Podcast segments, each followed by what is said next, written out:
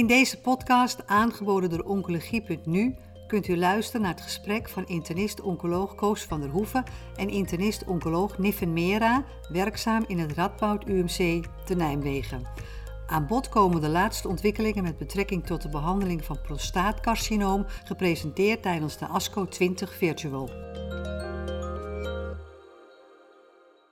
Ik praat met dokter Niven Mera, internist-oncoloog uit het Radboud UMC, gespecialiseerd in de urogenitale tumoren en dan weer in het bijzonder in de prostaatcarcinomen. Uh, de ASCO, altijd een heleboel uh, voordrachten, een heleboel posters. Uh, als je echt kijkt, zijn er misschien geen grote doorbraken dit jaar bij de ASCO, maar als je goed kijkt, zijn er toch alweer een heleboel interessante dingen te zien. Uh, ik, we gaan eerst praten over lutetium. Uh, tegenwoordig wordt er imaging wel eens gedaan met de PMSA om, om vroege recidieven te ontdekken, maar het wordt ook gedaan om te kijken of er mogelijkheden voor therapie zijn. En er was een uh, belangrijke presentatie over een studie uh, lutetium uh, gebonden aan PSMA versus de standard of care. Niven, wat kan je daarover vertellen? dankjewel Koos. Um, ik heb ehm, de de lutetium PSMA-studie, dit is een fase 2-studie uh, eh, uit de groep van Hofman uit uh, Australië, waarbij zij hebben gekeken naar lutetium versus cabazitaxel in patiënten die uh, eerder zijn behandeld met uh, docetaxel-chemotherapie. Um, dit is een hele belangrijke studie. Uh, we zijn aan het wachten op de fase 3-studie, de Vision-studie, maar die is, uh, heeft de, nog niet de data gereed voor, voor de ESCO. Die zal kort daarna volgen. Dus dit is een studie waar iedereen ook op zit te wachten. Deze studie is, ehm, ehm, heeft aangetoond, of toont, wil aantonen dat lutetium superieur is dan een, de standaard in de derde lijn of later.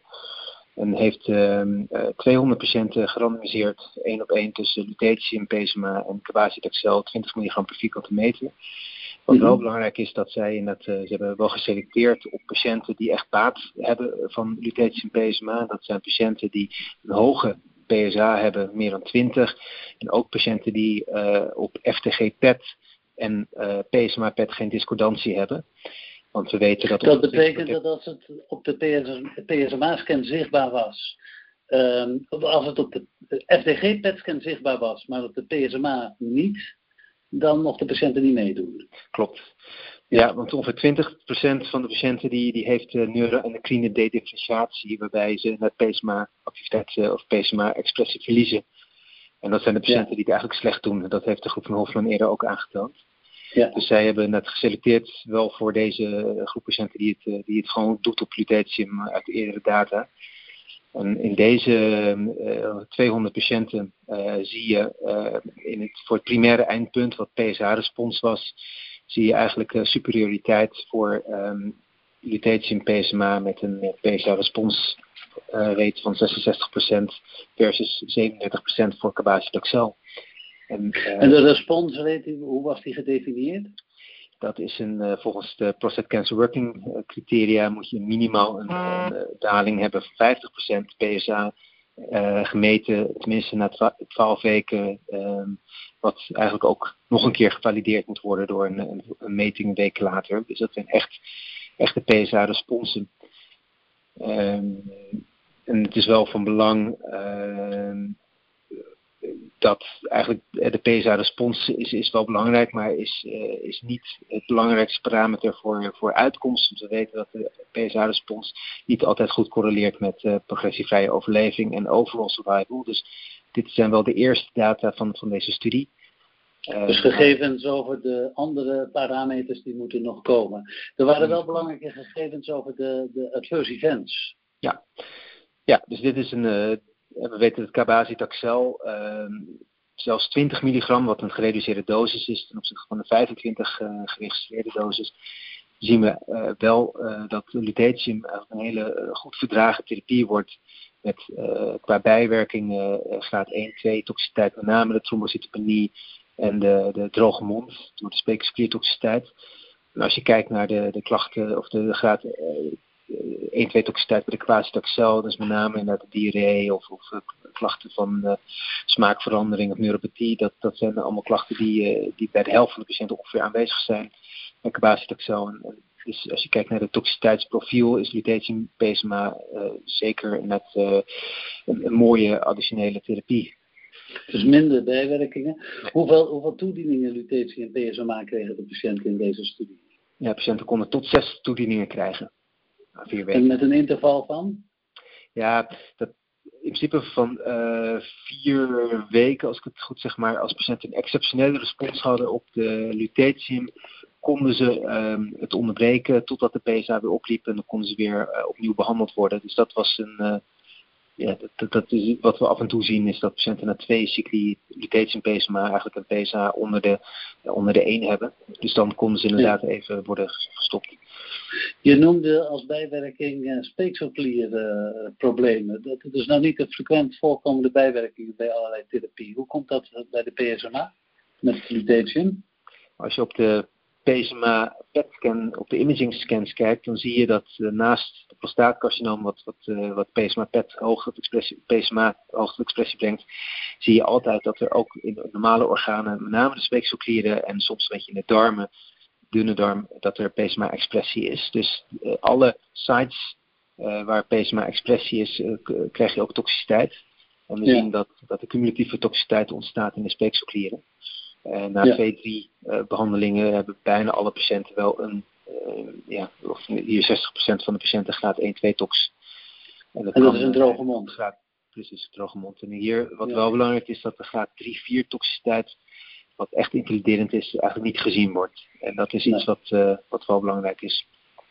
Conclusie van deze fase 2-studie, dat het goed te verdragen is, dat er een goede PSA-respons is en dat voor de andere parameters zoals progressievrije overleving en totale overleving, dat we verdere data nog af moeten wachten. Is dat correct? Dat is helemaal correct. En wij, wij wachten ook op de Vision Trial, wat eigenlijk een vergelijkbare studie was in, uh, in duizend patiënten plus, waarbij je ook met PSMA uh, gecombineerd kon worden met, met hormonale therapie. Dus we wachten ook op die, deze data, wat waarschijnlijk zal leiden tot registratie. Dus dit zijn hele belangrijke nieuwe studies als patiënten in Nederland met een gemetastaseerd prostaatcarcinoom deze behandeling willen hebben, bestaat daar mogelijkheid voor? Op dit moment uh, nog niet. Wij um, we zitten wel te wachten op een. Uh, er komt een fase 1 studie met PSMA actinium uh, in Rotterdam. En er komt ook, um, komen twee um, multicenter studies met, met PSMA-therapie in de hormoongevoelige setting en ook op korte termijn in de eerste lijn is gemetastaseerd uh, concentratie-resistent prostaatcarcinoom. Dus dat gaat er aankomen op de korte termijn. Wil ik overstappen naar een ander onderwerp. Er is een nieuw medicament aan de boom van de medicatie bij prostaatcarcinoom. Dat is apalutamide. Wat voor soort middel is dat? Apalutamide is een uh, androgeen receptor antagonist. Uh, het lijkt heel erg qua structuurformule op uh, enzalutamide. Um, het is um, een middel wat, wat bindt aan de androgeenreceptor en die zorgt ervoor dat de androgeenreceptor niet geactiveerd kan worden en ook uh, geen uh, transcriptie van, uh, van downstream genen ontstaat na binding met testosteron. Dus het blokkeert eigenlijk de, de testosteron aan de receptor. Oké, er was een fase 2 studie werd gepresenteerd bij de ASCO. Wat was de inhoud daarvan met dit middel?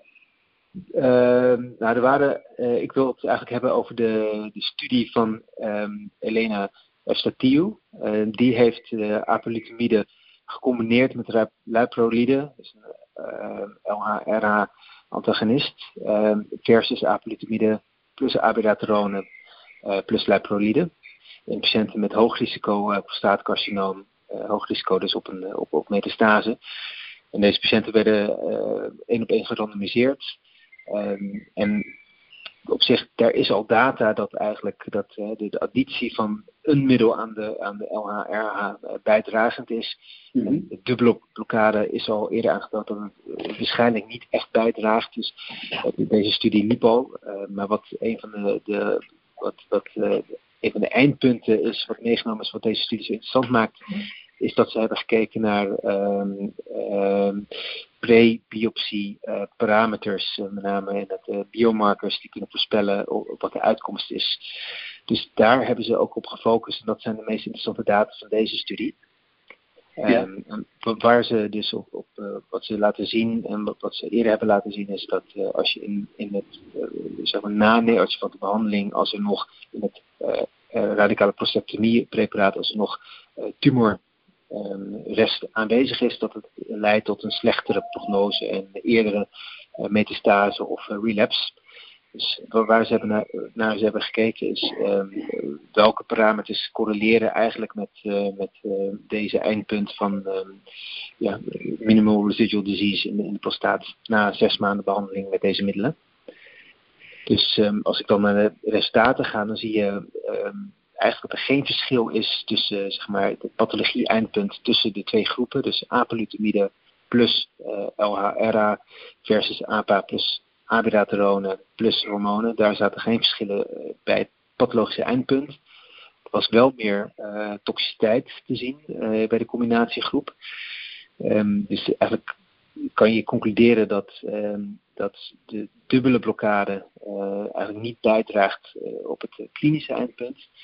Maar waar ze toen naar hebben gekeken is, kunnen ze, zeg maar, als ze de hele groep gaan poelen, kunnen ze dan wel voorspellen op basis van de biomarkers um, of er eh, of er pre-behandeling biomarkers zijn die, eh, die, ehm, die voorspellend zijn. En dat hebben ze dus wel aanwijzingen voor gevonden.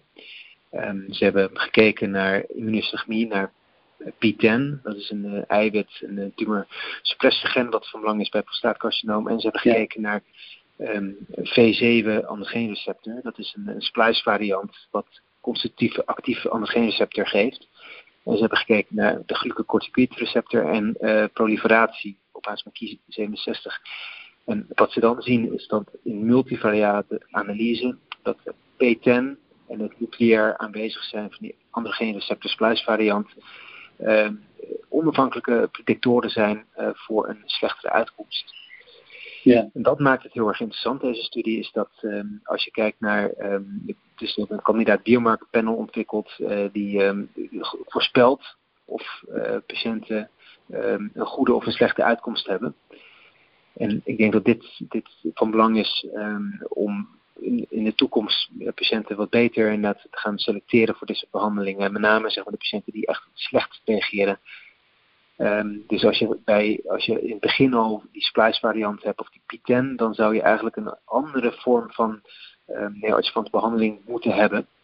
Uh, en er zijn een aantal agents op de markt die heel specifiek die PI3 kinase pathway um, uh, aanpakt. Wat we zien bij P10 los tumoren. Dus ik denk dat dit aan de wieg staat voor uh, dat je toch gaat stratificeren op basis van dit soort biomarkers.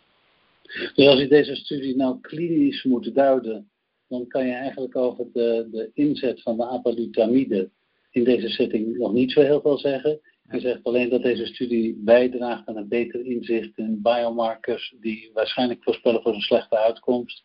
En dat je in de toekomst misschien daarop kan stratificeren. Correct? Ja, correct. En dus in de neo-adjuvante setting gedaan. Als we het toch over de biomarkers hebben, tenzij je hier nog iets meer over wil vertellen. Uh, nee hoor wilde eigenlijk uh, de, wat de biomarkers betreft overgaan naar het onderwerp methylering. Er is een, uh, een uh, Amerikaanse groep die heet de West Coast Prostate Dream Team. Dat, dat klinkt ontzettend mooi. En die hebben gekeken naar de methylering in, in, in biopten bij gemetastaseerd prostaatcarcinoom. Er zijn de, van de, de metastase zijn biopten genomen. En ze hebben naar methylering gekeken. Kan je daar meer over vertellen, Niven? Zeker. Um, er is heel veel data gekomen van inderdaad, je hebt de East Coast en de West Coast Dream Team. En uh, in ieder geval, de, deze hebben uh, eigenlijk een hele belangrijke paper gepubliceerd, ook samen met de groep van de Bono, wat in, um, in Cell is gekomen. Daar hebben ze eigenlijk uh, in, een, in, een, grote populatie van meer dan 300 tumoren hebben ze gekeken naar whole genome of, sorry, whole exome sequencing.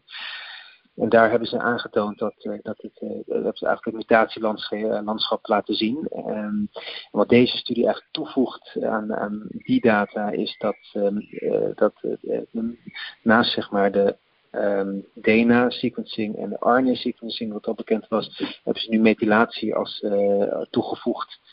dit is de, de grootste studie waar ze uiteindelijk 100 patiënten hebben ze parallel whole genome sequencing, DNA sequencing en whole genome B-sulfite sequencing om te kijken naar methylatiepatronen.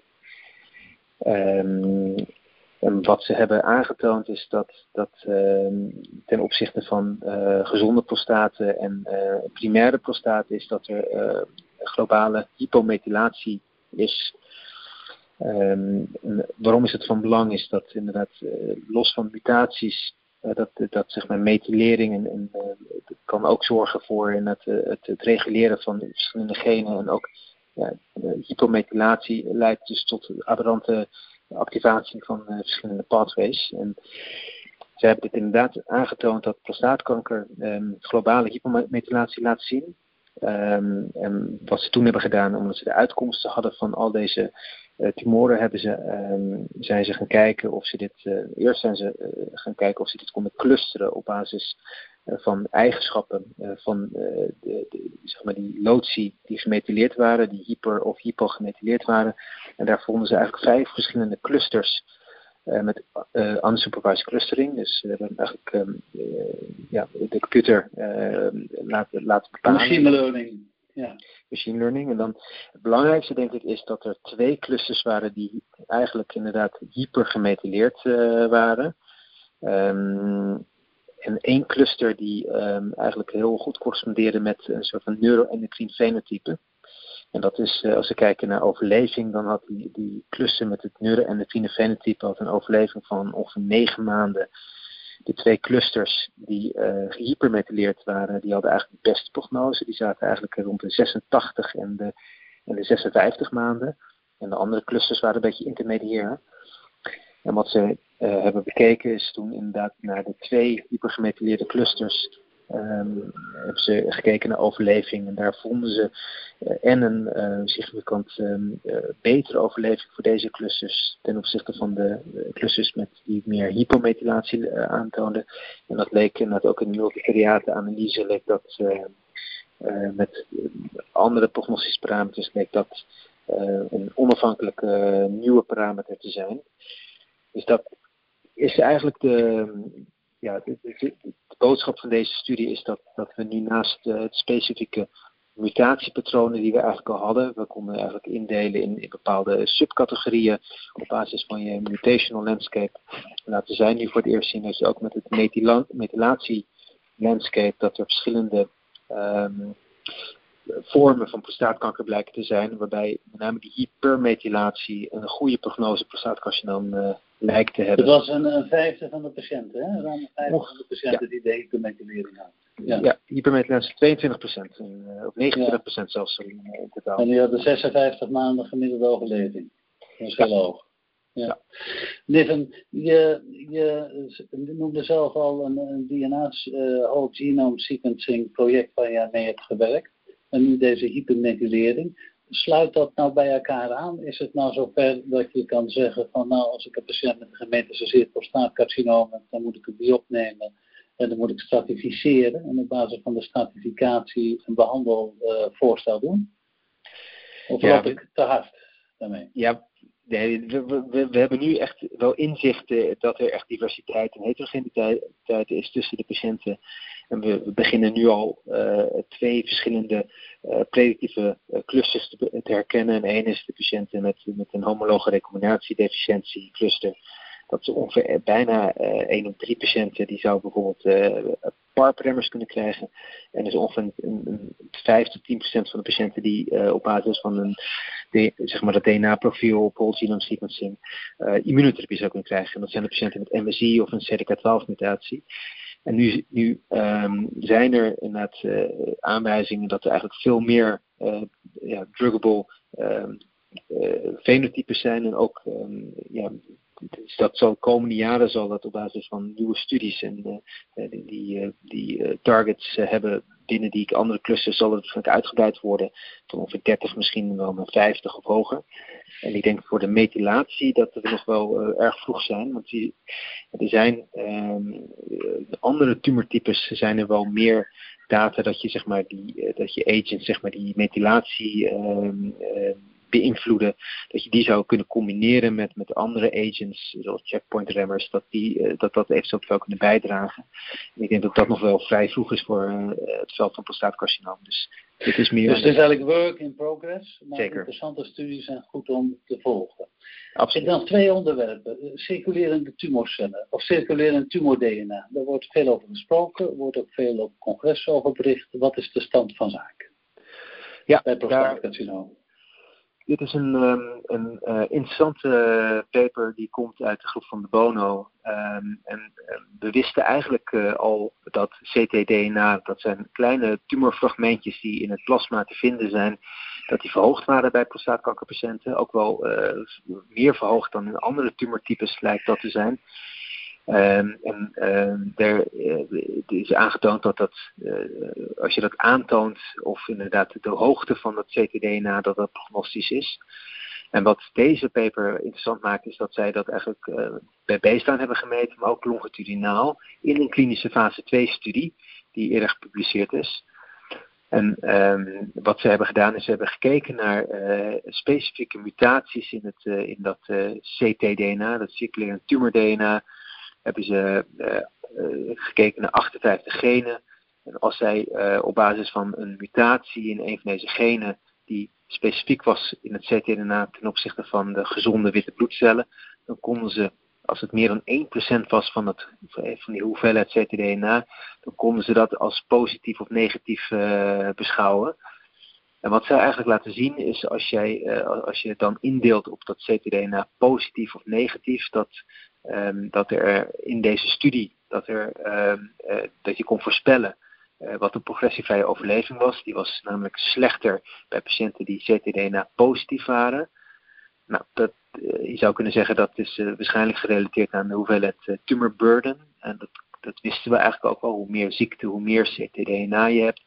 Maar wat belangrijk was, dat het ook in multivariate analyse eigenlijk een onafhankelijke predictor was voor radiografische progressievrije overleving.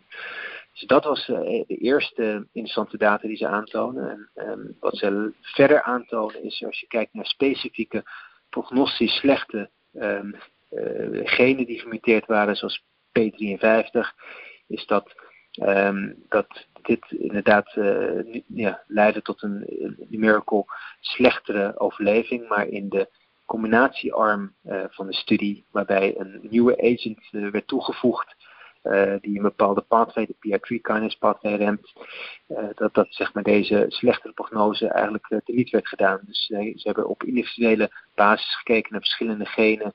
En dan zien ze dat, dat de, combinatiearm eigenlijk inderdaad die slechte prognose opheft. Um, en wat eigenlijk nog interessanter is, is wat ze gekeken hebben naar longitudinale veranderingen in het ctDNA. Hebben ze gekeken naar baseline en na uh, drie cycli van deze therapieën en dan zagen ze dat er een goede associatie was uh, met respons. Dus als het ctDNA omlaag ging of eigenlijk helemaal onmeetbaar werd, dat was uh, vaak geassocieerd bij complete of partiële responsen. En dat was eigenlijk veel minder het geval bij patiënten met een stabiele ziekte zonder PSA-respons of progressieve ziekte. Ja. Um, Gebruik je het zelf al? Gebruik je het zelf al in de praktijk? Nee, we gebruiken, nou ja, in, bij prostaatcarcinoom zijn we nu uh, bezig om dit uh, te gebruiken om bepaalde mutaties aan te tonen. Um, en um, dit, zijn, dit is wel een interessante, um, dit is wel uh, interessante data die laat zien dat het ctDNA naast de PSA waarschijnlijk gebruikt kan worden als een responsprojector. Dus ik denk dat over de komende jaren dat we misschien wel toegaan naar studies waarbij we op basis van ctDNA patiënten kunnen selecteren voor nou, misschien wel studies, uh, misschien wel voor uh, targeted therapies, bijvoorbeeld met een BRCA-mutatie dat je olaparib geeft. En waarom is dat zo? Met name bij prostaatcarcinoom is dat de, de, een groot deel van de patiënten die heeft ja, daar kan je wat minder makkelijk biop te nemen, omdat ze bijvoorbeeld ziekte in de botten hebben, waar je niet zo makkelijk bij kan. En dan is het ctDNA een hele mooie bron om toch kwalitatieve informatie te krijgen. Ja. Dus het, het, wordt nog niet Er is veel informatie gekomen uit de biopte en dat vertaalt zich misschien in het bloed en dat is dan ja. makkelijker voor de patiënten. Maar dat is ook nog, er moeten nog wel een paar stappen gezet worden voordat het in de algemene praktijk kan worden Zeker. ingezet. Absoluut. Dan wil ik een laatste onderwerp nog bespreken. Dat heeft te maken met de hormonale therapie bij prostaatkanker. Het LHRH-agonisten, die kennen we eigenlijk al heel lang, al een aantal decennia. En uh, ja, dat vond ik zelf altijd nogal gek dat je iets stimuleert en dat het dan uiteindelijk toch met de testosteron gemaakt wordt. En nu hebben we ook een, een antagonist. En dat middel dat heet Rulogolix. Uh, ja. Daar zijn studies mee gedaan. Kan je er iets over zeggen? Ja, um, nou, dit is inderdaad een. een um, er is eigenlijk. Uh, uh, er wordt al langer wordt er net gebruik gemaakt van een, een, een LH-RH receptor antagonist, maar dat is dan een injectie. Dat is, uh, dat is een, een, middel wat, uh, wat ook elke vier weken toegediend moet worden. Dat is, um, kijk, dat is, even kijken, de Degarelix firma. Ja. Maar dat is een, en daar hebben ze eigenlijk al aangetoond dat, dat die agonisten, um, daar, wat je, precies wat je zegt, die stimuleert eerst eigenlijk de aanmaak van, uh, van, uh, LH en FSH, waardoor je uiteindelijk, uh, je, je krijgt een flare daardoor van, omdat je stimuleert eigenlijk dan ook inderdaad de, de hypofyse, waardoor je net eerst een flare krijgt van je testosteronproductie, maar omdat het gewoon zo gestimuleerd wordt, krijg je uitdoving en desensibilisatie, waardoor na drie weken pas je testosteron gaat dalen. Dat zijn de agonisten. De antagonisten die uh, zorgen direct voor een, een uh, vermindering van de FSH en LH-productie. En dat geeft eigenlijk sneller een, een uh, daling binnen dagen van je, van je testosteron. Dus je bent eigenlijk waarschijnlijk na een dag of vier, vijf ben je ongeveer castraat ten opzichte van drie weken. En die injecties die tegen Relix, dat, dat, dat, dat werkt beter, maar dat gaf bij 40% van de mensen gaf het injectieproblemen in, onder de huid. En het wordt vier weken, elke vier weken toegediend. Dus ze hebben gezegd, kan het niet anders? En dat is deze Hero 3-studie. En dat is toch wel echt een mooie studie, want wat ze hebben laten zien is dat je eenmaal uh, dagelijkse uh, dosis van die uh, Relugolix, dat is, een tablet, hè? Dat is een oraal middel. Ja, een tablet. Ja. Um, dat dat uh, dus vergeleken met dan de antagonisten, uh, wat elke drie maanden werd geïnjecteerd. En dan hebben ze gekeken naar een aantal, uh, primaire eindpunt was of je inderdaad na 48 weken continu castraat was. dus blijvend castraat over deze periode. En verschillende andere eindpunten zoals de, wanneer je castraat werd op dag 4, dag 15 en wanneer je stopte na 48 weken, hoe snel je weer herstelde. Um, nou, ze hadden, het was een non-inferiority studie, maar als, als er naar non-inferiority was aangetoond, kon ze ook naar superioriteit kijken. En uh, zij um, nou, hebben uh, eigenlijk met verven deze, deze uh, ze hebben een primaire eindpunt gehaald, want ongeveer 96,7% van de patiënten had een, blijvende castraatniveau over deze periode ten opzichte van 88,8% voor de, van de, voor de AR, over de LHRA antagonist. Toen hebben ze dus um, gekeken uh, naar superioriteit en het haalde inderdaad superioriteit ook. Wat belangrijk is, dat, um, is dat dit ongeveer dezelfde data laat zien als, als de injecties van de, van, de, van de antagonisten. Want na vier dagen was. Uh, want het is vergeleken met een agonist. Hè? Je zei. Inderdaad, met de agonist vergeleken. Agonist vergeleken hè? Klopt, dus je kan het niet. Ja. Het, is, het, is, het is inderdaad, als je kijkt naar de agonisten zagen ze dat, dat uh, bij vier dagen um, dat een groot deel van de patiënten eigenlijk al castraat was. En, kijken, en dat de PSA-responsen eigenlijk uh, ook veel meer aanwezig waren bij uh, dag 4 en dag 15 ten opzichte van de antagonisten.